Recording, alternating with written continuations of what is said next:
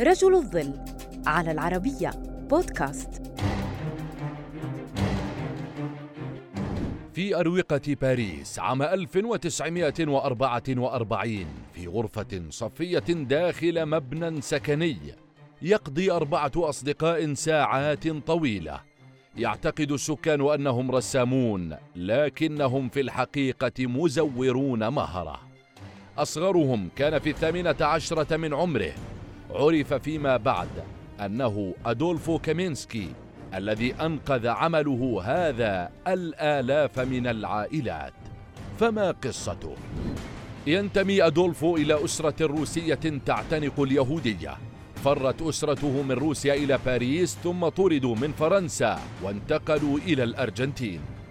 ولد عام 1925 وعندما أصبح في السابعة سمح للعائلة التي كانت تحمل جوازات سفر أرجنتينية بالانضمام إلى أقاربها في فرنسا.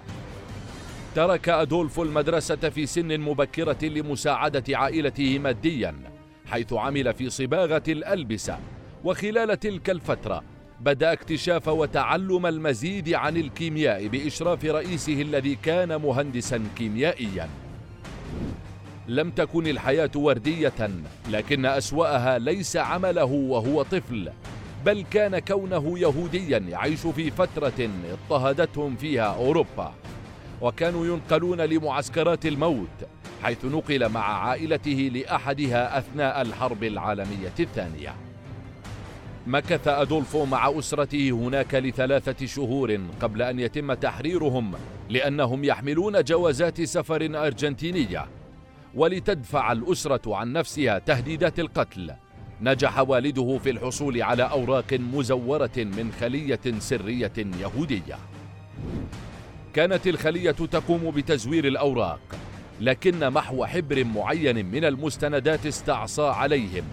لولا أن قدم لهم أدولفو حلا ناجحا بفضل علمه بالكيمياء فضموه إليهم. كانت مهمة الخلية تحذير العائلات المستهدفة.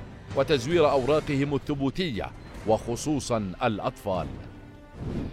كانت تلبية احتياجات الأسر لأوراق جديدة يتطلب أن يبقى أدولفو مستيقظا لمدة ليلتين متتاليتين أحيانا حيث كان بإمكانه إنجاز ثلاثين مستندا في الساعة ما يعني أن إغفاله عمله لمدة ساعة يعني أن هناك ثلاثين شخصا معرضين لخطر الاعتقال والقتل.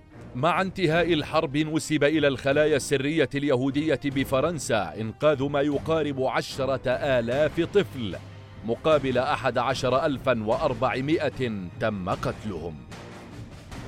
بعد الحرب استمر أدولفو في التزوير خلال النزاعات لثلاثين عاما كحرب الاستقلال الجزائرية وأزمة الفصل العنصري بجنوب إفريقيا وحرب فيتنام. كما زور وثائق للمتهربين من التجنيد الأمريكيين.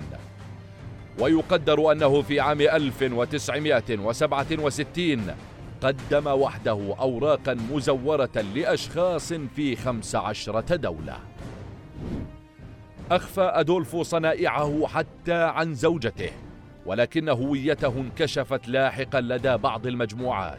فتحول للعمل في تدريس التصوير الفوتوغرافي في عام 1971 قدم أدولفو خلال عمله بالتزوير خدمات تساوي حياة آلاف الناس دون أن يقبل أجورا مالية. فعاش مفلسا وفقد بسبب ذلك إبصاره بإحدى عينيه لكنه وصف بالمزور الشريف.